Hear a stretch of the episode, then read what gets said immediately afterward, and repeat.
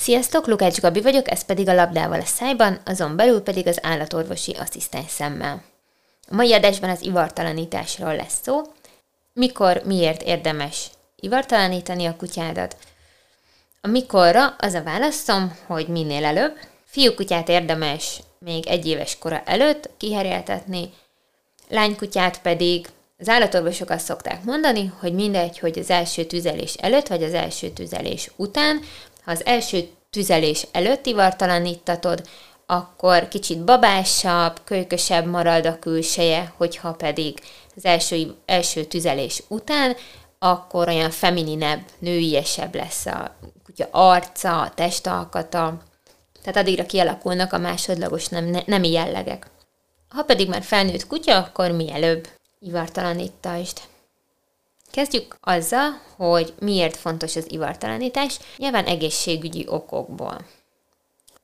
Miért is fontos ivartalanítani? Kezdjük a fiúkutyákkal. A fiúkutyákat azért fontos ivartalanítani, mert különben elrákosodhat a heréjük, prostata megnagyobbodásuk lehet ennek minden negatív következményével, és különösen fontos, hogyha a kutya heréje nem száll le a hasüregből kölyök korában, akkor minél előbb ivartalanítani kell, ugyanis a hasüregben maradt herének túl meleg van, tehát azért kellene lekerüljön a herezacskóba, mert ott ugye hűvösebb van neki, és nem indulnak el rossz indulatú folyamatok a herében. Magyarul, hogyha a hasüregben van, akkor még biztosabb, és még hamarabb fog megtörténni, hogy elrákosodik a here. Tehát ivartalanítsd a fiúkutyádat. Az, hogy a herezacskót ott hagyja az állatorvos, vagy eltávolítja, az a gazdi kérésétől szokott függni, hogyha ott hagyják, akkor is igazából, miután már nincs benne a here, vissza fog húzódni ez az zacskó, és nem fog ott lifegni egy üres herezacskó. És a lánykutyák. A lánykutyáknál azért fontos ivartalanítani, hogy ne alakuljon ki mélygyulladás, gennyes mélygyulladás, emlődaganat. Kezdjük a mélygyulladással. Sok gazdítól hallottam olyat az állatkórházban töltött éveim során, hogy azért nem ivartalanítatta a lánykutyát, mert amíg nincs baj, addig minek pakoljuk ki, amikor meg már baj van, akkor úgyis ki fogjuk pakolni.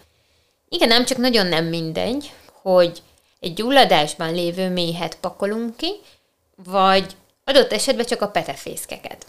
Ugyanis egy egészséges állat esetében elegendő a petefészkeket eltávolítani, ami két picike szerv, a közepes, illetve nagy testű kutyáknál akár laparoszkóppal is meg lehet tenni, ami egy nagyon kíméletes eljárás, a kutya észre se veszi, hogy megműtötték, de ha még nem is laparoszkóppal ivartálnítják, akkor is ezt a két picike szervet eltávolítják, azzal megszűnik a hormontermelés, és ennek következtében a mély elsorvad.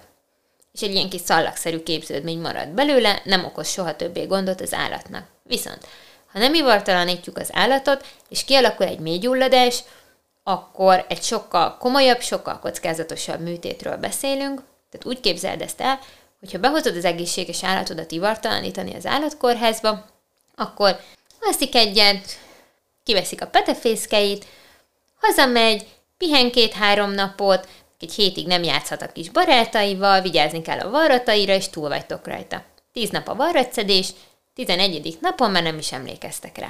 Ellenben egy mély gyulladásnál, ja, és sokkal kisebb a seb, ezt akartam mondani, bocsánat. Tehát egy viszonylag kicsi, kicsi nyíláson át ki lehet pakolni a kutyát. Akkor is, ha nem laparoszkóppal csináljuk. Ha meg laparoszkóppal, akkor kettő darab, egy centis vágás lesz a kutya oldalán. Tényleg észre se szokták venni, hogy meg lettek műtve. Ellenben, hogyha ez a laparoszkóp, nem laparoszkópnál pedig egy néhány centis vágásról beszélünk, kicsit viszkelt, de úgy nem különösebben kellemetlen, tehát nem, nem egy nagy dologra kell gondolni az ivartalanítás esetén, viszont, hogyha már be van nyúladva a mély, akkor ez egy sokkal nagyobb, adott esetben gennyel megtelt, egy gyulladásban lévő szerv. Tehát a kutyát egy mélygyulladás vagy egy gennyes mélygyulladás esetén Kis túlzással tokától bokáig fölvágjuk. Egy jóval nagyobb kiterjedésű sebe lesz, ami nyilván fájdalmasabb neki, nyilván tovább tart a gyógyulás, nyilván nagyobb a seb elfertőződésének a veszélye, és alapból egy legyengült beteg állat kerül a műtőasztalra. A másik nagy veszélye annak, ha nincs ivartalanítva egy lánykutya, az pedig az emlődaganat kialakulása. Az emlődaganat kialakulása azért is borzasztóan veszélyes, mert nagyon szeret áttéteket képezni, legfőképpen a tüdő irányába.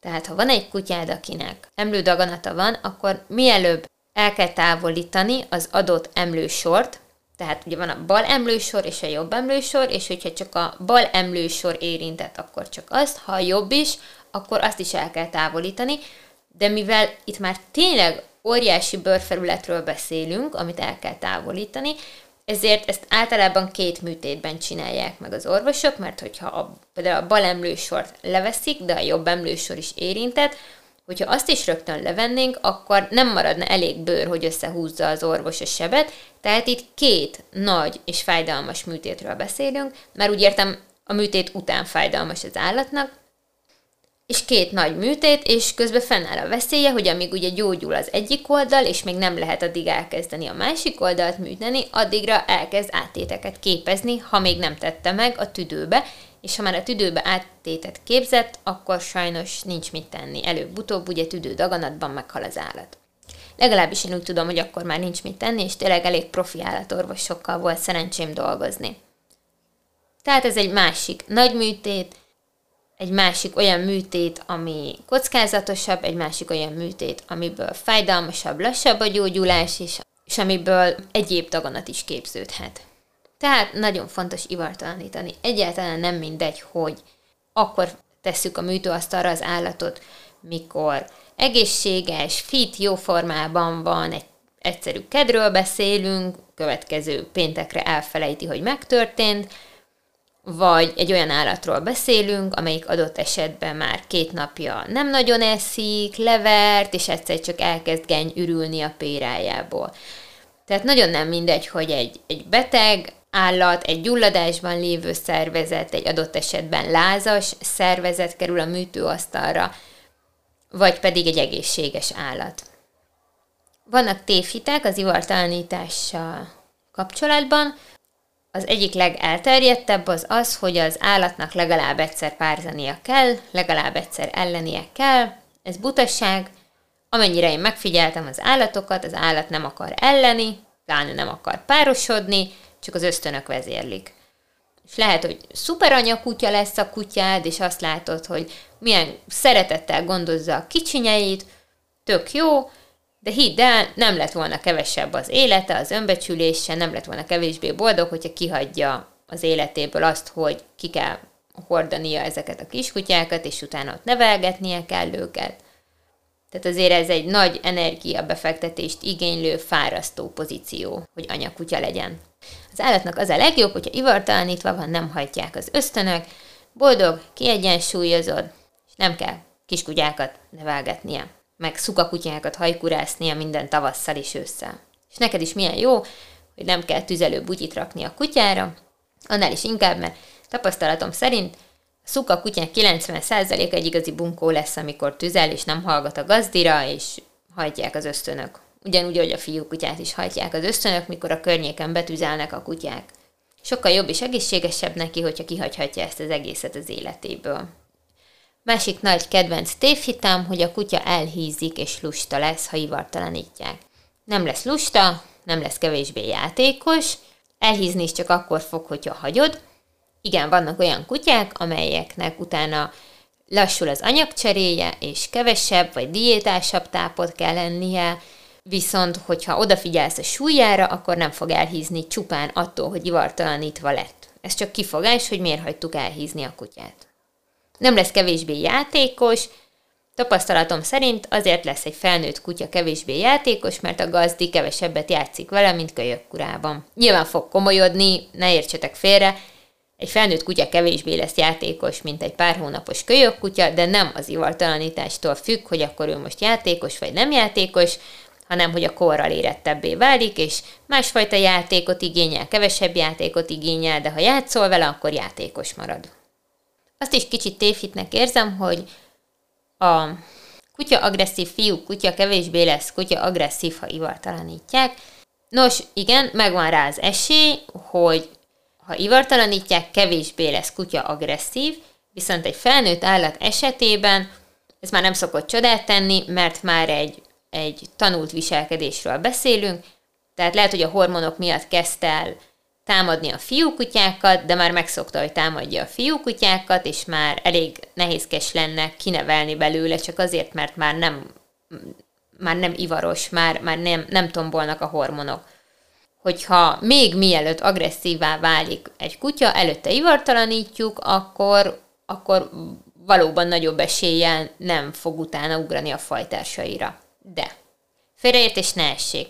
Vannak ivaros kutyák, akik nagyon kedvesek az azonos nemű fajtársaikkal is, és vannak ivartalan kutyák, akik pedig agresszívak a fajtársaikkal. Tehát az, hogy ivaros vagy ivartalan, az önmagában nem határozza meg a kutyát személyiségét, viselkedését, a fajtársaival való kapcsolatát. Sokszor találkoztam olyan a fiúkutya ivartalanításával kapcsolatban, hogy férfi gazdi nem akarja ivartalanítatni a fiúkutyát, mert szegényt megfosztjuk a férfiasságától, vagy szegény akkor kislány lesz. Egy, nem lesz kislány, kettő, nem fosztjuk meg a férfiasságától, három, ő nem ember, ő egy kutya. Pont tojik rá, hogy van-e heréje, vagy nincs heréje, mint mondtam, maximum nyugodtabb, kiegyensúlyozottabb lesz, mert nem hajtják a hormonok, nem kell megőrülnie, amikor tüzel az egész falu. Az, hogy a férfi gazdik féltik a kutya heréjét, az nálam olyan szinten kiüti a biztosítékot, hogy rendesen vissza kellett fognom magamat ilyenkor a rendelőbe, hogy ne kezdjek el röhögni, vagy, vagy ne küldjem el a fenébe az embert, hogy ez most komoly. Tehát, hogy azért ennyire ne legyünk már betegek. Jó, hogy nem ruházzuk fel a kutyát ilyen elmebajokkal, hogy akkor ő most, most akkor kevésbé érzi magát férfinak, mert, nincs heréje. Uram Isten, észre se veszi, hogy nincs heréje.